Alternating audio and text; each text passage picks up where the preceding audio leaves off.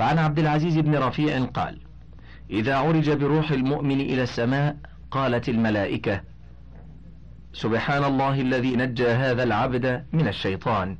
يا ويحة كيف نجا؟ حاشية.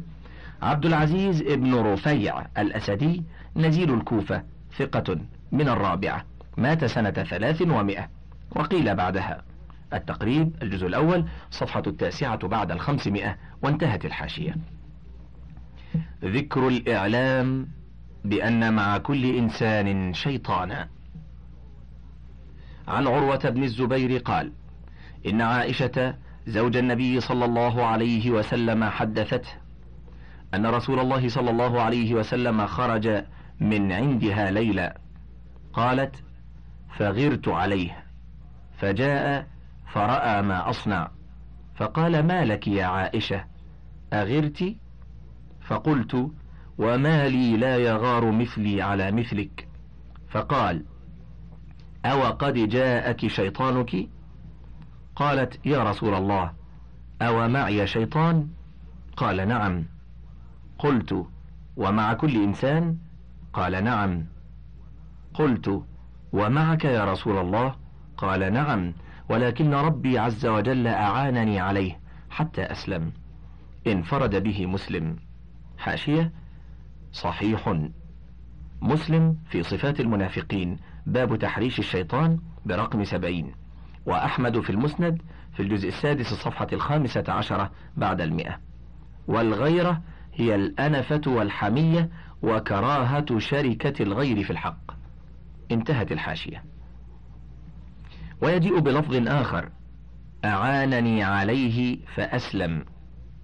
قال الخطابي عامة الرواة يقولون فأسلم على مذهب الفعل الماضي إلا سفيان بن عيينة فإنه يقول أعانني عليه فأسلموا أي من شره. وكان يقول الشيطان لا يس لا يسلم. قال الشيخ وقول ابن عيينة حسن وهو يظهر أثر المجاهدة لمخالفة الشيطان إلا أن حديث ابن مسعود كأنه يرد قول ابن عيينة. وعن ابن مسعود يرفعه ما منكم من أحد إلا وقد وكل به قرينه من الجن وقرينه من الملائكة. قالوا وإياك يا رسول الله؟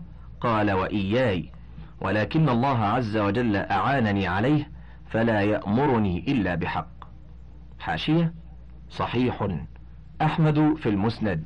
في الجزء الأول الصفحة الخامسة والثمانين بعد الثلاثمائة. انتهت الحاشية. وفي رواية فلا يأمرني إلا بخير. حاشية صحيح. مسلم في صفات المنافقين. باب تحريش الشيطان الصفحة التاسعة والستون. انتهت الحاشية. قال الشيخ انفرد به مسلم واسم أبي الجعد رافع وظاهره إسلام الشياطين ويحتمل القول الآخر. بيان أن الشيطان يجري من ابن آدم مجرى الدم. عن صفية بنت حيي زوج النبي قالت كان رسول الله صلى الله عليه وسلم معتكفا فأتيته أزوره ليلا فحدثته ثم قمت لأنقلب فقام معي ليقلبني وكان مسكنها في دار أسامة بن زيد فمضى رجلان من الأنصار. فلما رأيا رسول الله صلى الله عليه وسلم أسرعا فقال النبي صلى الله عليه وسلم على رسلكما إنها صفية بنت حيي. فقال سبحان الله يا رسول الله. قال إن الشيطان يجري من ابن آدم مجرى الدم وإني خشيت أن يقذف في قلوبكما شرا أو قال شيئا. الحديث في الصحيحين. حاشية. صحيح. البخاري في الاعتكاف. باب هل يخرج المعتكف لحوائجه. الجزء الرابع الصفحة السادسة والعشرون والثلاثمائة. وباب زيارة المرأة زوجها في اعتكافه. الجزء الرابع الصفحة الثلاثون والثلاثمائة. وباب هل يدرأ المعتكف عن نفسه. الجزء الرابع الصفحة الحادية والثلاثون والثلاثمائة. وفي مواضع أخرى متعددة. ومسلم في السلام. باب في بيان أنه يستحب لمن رؤي خاليا. الصفحة الرابعة والعشرون والخامسة والعشرون. ومعنى ليقلبني أي ليردني إلى منزلي. وعلى رسلك أي اتئد ولا تتعجل. انتهت الحاشية. قال الخطابي. وفي هذا الحديث من العلم استحباب أن يحذر الإنسان من كل أمر من المكروه مما تجري به الظنون ويخطر بالقلوب وأن يطلب السلامة من الناس بإظهار البراءة من الريب.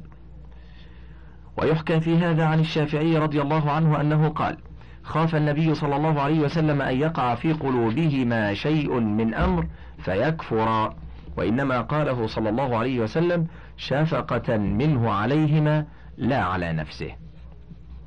ذكر التعوذ من الشيطان الرجيم. حاشية. التعوذ التحصن والاعتصام والالتجاء إلى الله من الشيطان. والمعوذتان تعصمان القارئ من كل سوء وشر من الإنس والجن. انتهت الحاشية. قال الشيخ أبو الفرج رحمه الله قد أمر الله تعالى بالتعوذ من الشيطان الرجيم عند التلاوة فقال فقال تعالى فإذا قرأت القرآن فاستعذ بالله من الشيطان الرجيم. النحل الثامنة والتسعون. وعند السحر فقال قل أعوذ برب الفلق. الفلق الآية الأولى إلى آخر السورة. فإذا أمر بالتحرز من شره في هذين الأمرين فكيف في غيرهما؟ وعن أبي التياح قال قلت لعبد, لعبد الرحمن ابن حنيش أدركت النبي صلى الله عليه وسلم؟ قال نعم. قلت كيف صنع رسول الله صلى الله عليه وسلم ليلة كادته الشياطين؟ فقال إن الشياطين تحدرت تلك الليلة على رسول الله صلى الله عليه وسلم من الأودية والشعاب وفيهم شيطان بيده شعلة نار يريد أن يحرق بها وجه رسول الله صلى الله عليه وسلم. فهبط إليه جبريل عليه السلام فقال يا محمد قل. قال ما أقول؟ قال قل أعوذ بكلمات الله التامات من شر ما خلق وذرأ وبرأ ومن شر ما ينزل من السماء ومن شر ما يعرج فيها ومن شر فتن الليل والنهار ومن شر كل طارق إلا طارقا يطرق بخير يا رحمن.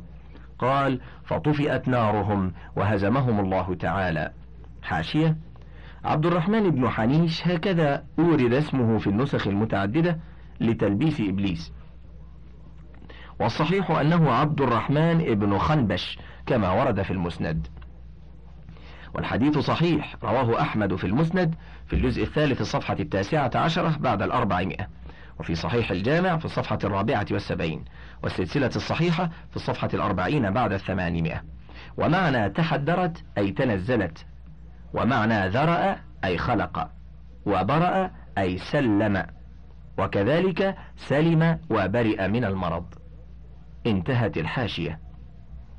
وعن عائشة رضي الله تعالى عنها أن النبي صلى الله عليه وسلم قال إن الشيطان يأتي أحدكم فيقول من خلقك؟ فيقول الله تبارك وتعالى. فيقول فمن خلق الله؟ فإذا وجد أحدكم ذلك فليقل آمنت بالله ورسوله فإن ذلك يذهب عنه. حاشية؟ صحيح. أحمد في المسند الجزء السادس الصفحة الثامنة والخمسون والمئتان وصحيح الجامع صفحة السادسة والخمسون والستمائة بعد الألف والسابعة والخمسون والستمائة بعد الألف. والسلسلة الصحيحة الصفحة السادسة عشرة بعد المئة. وانتهت الحاشية.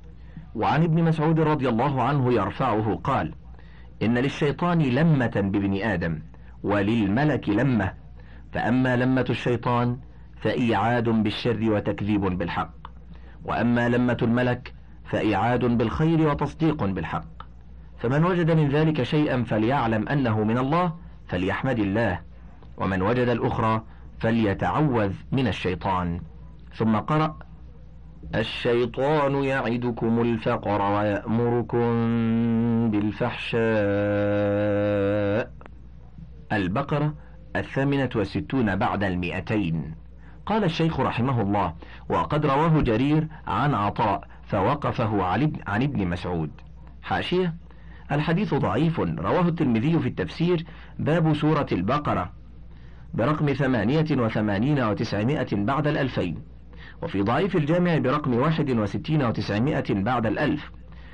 والتبريزي في مشكاة المصابيح برقم أربعة وسبعين واللمة بالفتح من الإلمام ومعناه النزول والقرب.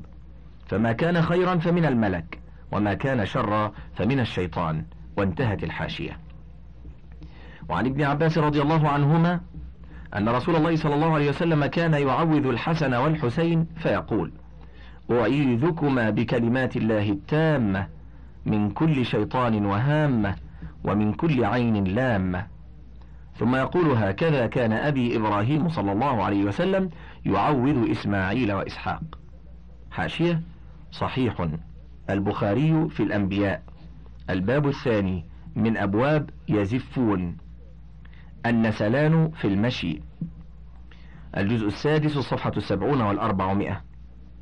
والنسلان مشية الذئب في سرعة. انتهت الحاشية. أخرجه في الصحيحين. قال أبو بكر ابن الأنباري الهامة واحد الهوام. ويقال هي كل نسمة تهم بسوء واللامة الملمة وإنما قال لامة ليوافق لفظ هامة فيكون ذلك أخف على اللسان. وعن ثابت قال قال مطرف حاشية مطرف بن عبد الله بن الشخير العامري أبو عبد الله البصري ثقة عابد فاضل من الثانية مات سنة خمس وسبعين. التقريب الجزء الثاني صفحة الثالثة والخمسون والمئتان وانتهت الحاشية. قال مطرف نظرت فإذا ابن آدم ملقى بين يدي الله عز وجل وبين إبليس فمن شاء أن يعصمه عصمه وإن تركه ذهب به إبليس. وحكي عن بعض السلف أنه قال لتلميذه ما تصنع بالشيطان إذا سول لك الخطايا؟ قال أجاهده. قال فإن عاد. قال أجاهده. قال فإن عاد. قال أجاهده. قال هذا يطول. أرأيت إن مررت بغنم فنبحك كلبها أو منعك من العبور ما تصنع؟ قال أكابده وأرده جهدي. قال هذا يطول عليك ولكن استعن بصاحب الكلب يكفه عنك.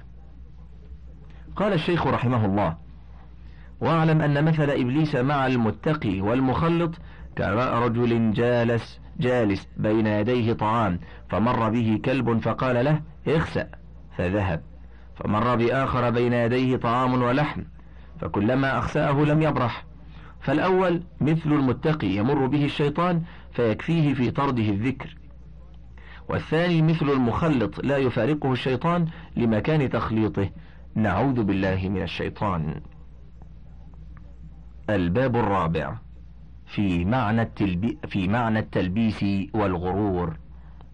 قال المصنف التلبيس إظهار الباطل في صورة الحق والغرور نوع جهل يوجب اعتقاد الفاسد صحيحا والرديء جيدا وسببه وجود شبهة أوجبت ذلك. وإنما يدخل إبليس على الناس بقدر ما يمكنه ويزيد تمكنه منهم. ويقل على مقدار يقظتهم وغفلتهم وجهلهم وعلمهم. حاشية. وفي نسخة أخرى على مقدار فطنتهم والصحيح يقظتهم وهو ما أثبتناه لأن المؤلف يقابل بينها وبين الغفلة. انتهت الحاشية. واعلم أن القلب كالحصن وعلى ذلك الحصن سور وللسور أبواب وفيه ثلم. وساكنه العقل. حاشية؟ الثلم جمع ثلمة. يقال ثالم الجدار وغيره ثلم وثال وثلم الجدار وغيره ثلم أحدث فيه شقا. انتهت الحاشية. وساكنه العقل. والملائكة تتردد إلى ذلك الحصن. وإلى جانبه ربض فيه الهوى والشياطين. تختلف إلى ذلك الربض من غير مانع. حاشية؟ الربض كل ما تأوي إليه وتستريح لديه من أم وزوجة وبنت وقرابة وبيت وغيره. والجمع أرباض. انتهت الحاشية. والحرب قائم بين أهل الحصن وأهل الربض والشياطين لا تزال تدور حول الحصن تطلب غفلة الحارس والنزول من بعض الثلم. حاشية؟ وفي نسخة والعبور. والصحيح ما أثبتناه لأن العبور يكون من شيء كالعبور للنهر والطريق أما النزول فهو الهبوط من علو إلى سفل.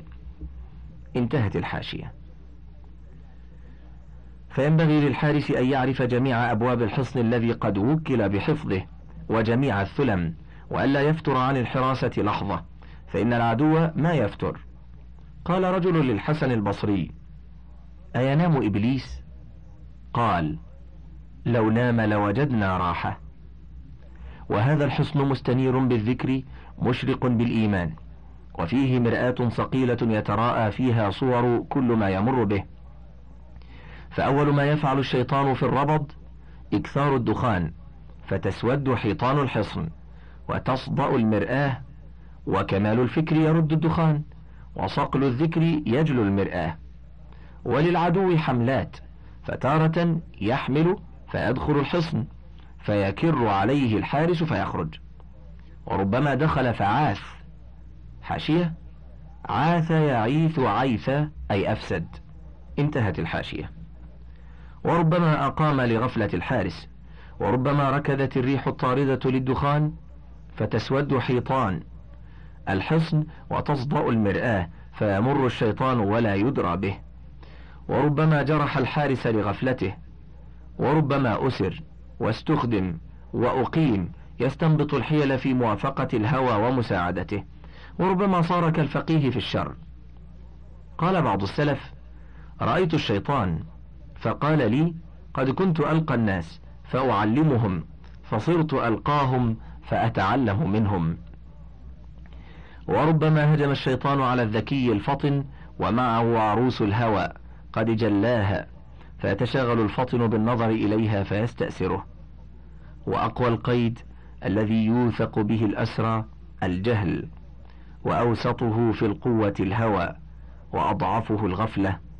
وما دام درع الإيمان على المؤمن فإن نبل العدو لا يقع في مقتل. حاشية؟ وفي نسخة؟ وما دام درع الإيمان على المؤمنين. والسياق يقتضي الاثنين. انتهت الحاشية. وعن الحسن بن صالح رحمه الله قال إن الشيطان لا يفتح للعبد تسعة وتسعين بابا من الخير يريد به بابا من الشر. حاشية أبو نعيم الأصبهاني في حلية الأولياء في الجزء السابع الصفحة الحادية والثلاثين بعد الثلاثمائة. انتهت الحاشية. وعن الأعمش قال حدثنا رجل كان يكلم الجن. قالوا ليس علينا أشد ممن يتبع السنة. وأما أصحاب الأهواء فإنا نلعب بهم لعبا. حاشية. الأعمش هو سليمان بن مهران الأسدي. ثقة حافظ عارف بالقراءة. ورع لكنه يدلس. من الخامسة. مات سنة سبع وأربعين ومائة أو ثمان وأربعين ومائة. التقريب الجزء الأول الصفحة الحادية والثلاثون وثلاثمائة وانتهت الحاشية. الباب الخامس.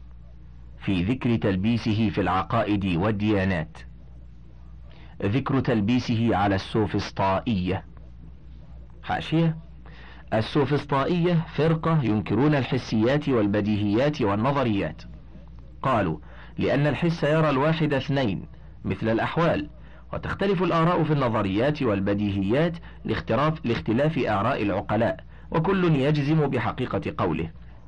وفي اليونانية السفسطة قياس مركب من الوهميات والغرض منه إفحام الخصم وإسكاته. انتهت الحاشية. قال المصنف هؤلاء قوم ينسبون إلى رجل يقال له سوفسطا زعموا أن الأشياء لا حقيقة لها وأن ما نستبعده يجوز أن يكون على ما نشاهده ويجوز أن يكون على غير ما نشاهده.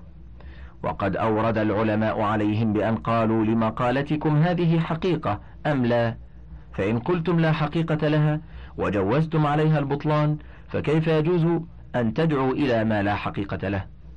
فإنكم تقرون بهذا القول أنه لا يحل قبول قولكم. وإن قلتم لها حقيقة فقد تركتم مذهبكم. قال المصنف وقد ذكر مذهب هؤلاء أبو, الحس أبو محمد الحسن بن موسى النوبختي في كتاب الآراء والديانات. حاشية الحسن بن موسى النوبختي الشيعي يتكلم فيلسوف كانت المعتزلة تدعيه والشيعة تدعيه ولكنه إلى حيز المعتزلة ولكنه إلى حيز الشيعة. توفي بعد سنة 300 من تصانيفه الكثيرة الآراء والديانات. لم يكمل. الرد على أصحاب التناسخ والغلاة. وكتاب التوحيد وحدوث العالم. والجامع في الإمامة. معجم المؤلفين الجزء الثالث الصفحة الثامنة والتسعون بعد المئتين. انتهت الحاشية. وقد ذكر مذهب هؤلاء أبو محمد الحسن بن موسى النوبختي في كتاب الآراء والديانات فقال رأيت كثيرا من المتكلمين قد غلطوا في أمر هؤلاء غلطا بينا لأنهم ناظروهم وجادلوهم وراموا بالحجاج والمناظرة الرد عليهم وهم لم يثبتوا حقيقة ولا أقروا بمشاهدة. فكيف تكلم من يقول لا أدري أتكلمني أم لا؟ وكيف تناظر من يزعم أنه لا يدري أموجود هو أم معدوم؟ وكيف تخاطب من يدعي أن المخاطبة بمنزلة السكوت في الإبانة وأن الصحيح بمنزلة الفاسد؟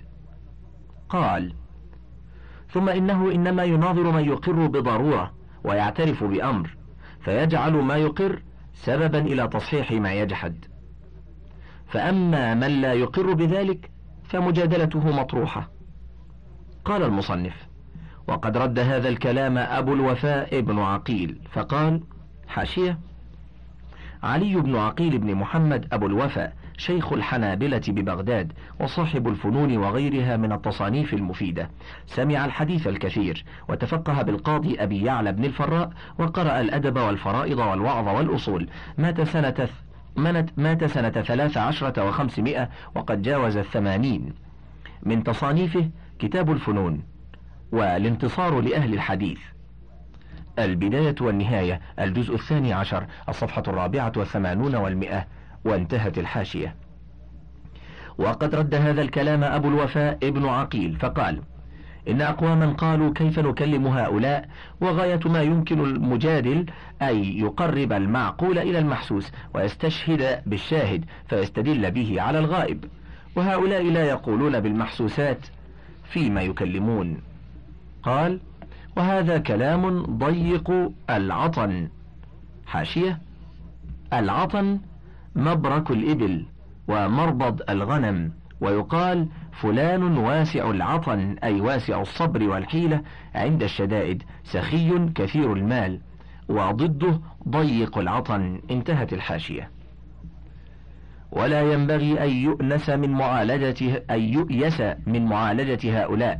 فإن ما اعتراهم ليس بأكثر من الوسواس ولا ينبغي أن يضيق عطننا عن معالجتهم فإنهم قوم أخرجتهم عوارض انحراف مزاج.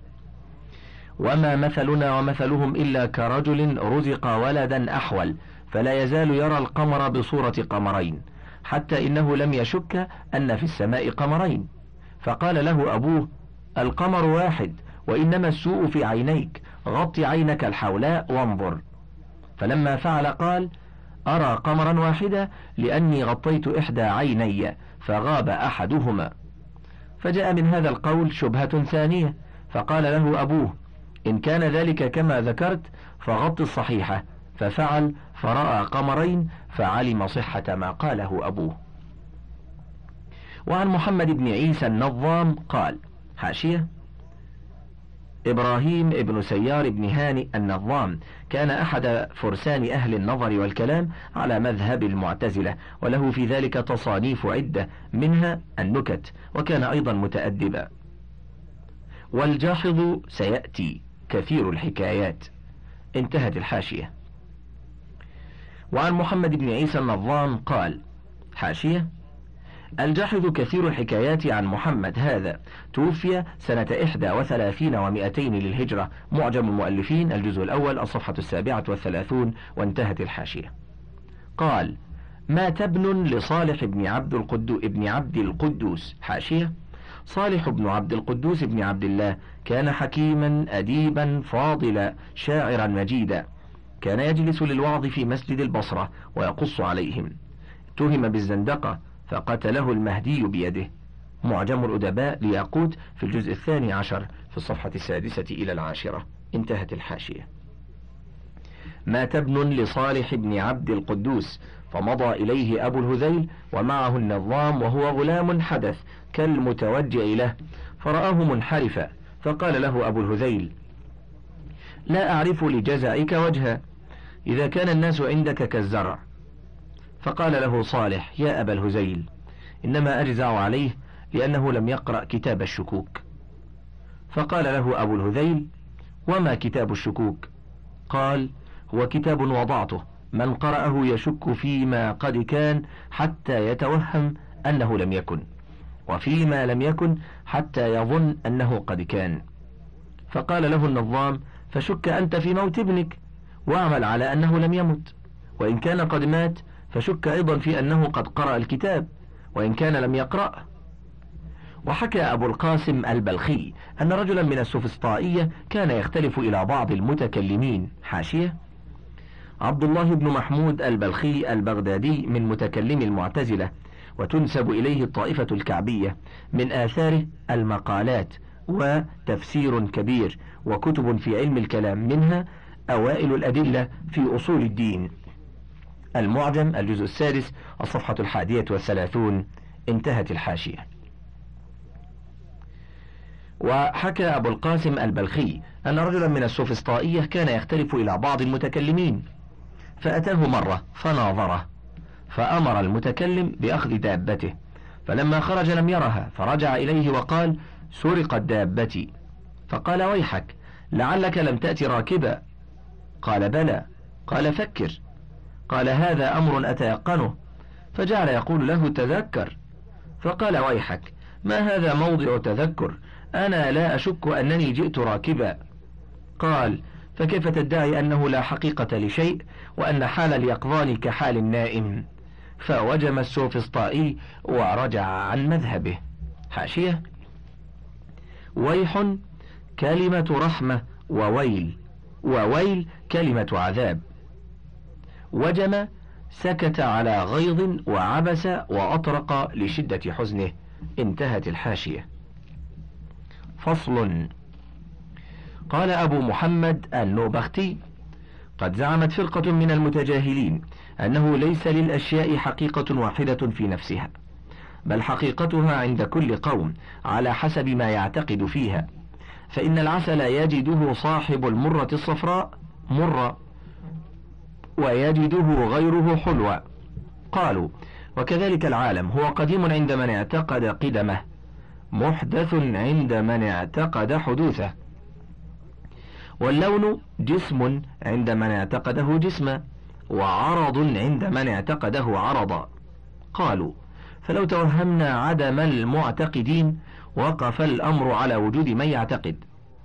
قال وهؤلاء من جنس السوفسطائية. فيقال لهم أقولكم صحيح؟ فيقولون هو صحيح عندنا باطل عند خصمنا. قلنا دعواكم صحة قولكم مردودة. وإقراركم بأن مذهبكم عند خصمكم باطل شاهد عليكم. ومن شهد على قولهم بالبطلان من وجه فقد كفى خصمه بتبيين فساد مذهبه. انتهى الشريط الثالث وللكتاب بقية على الشريط التالي.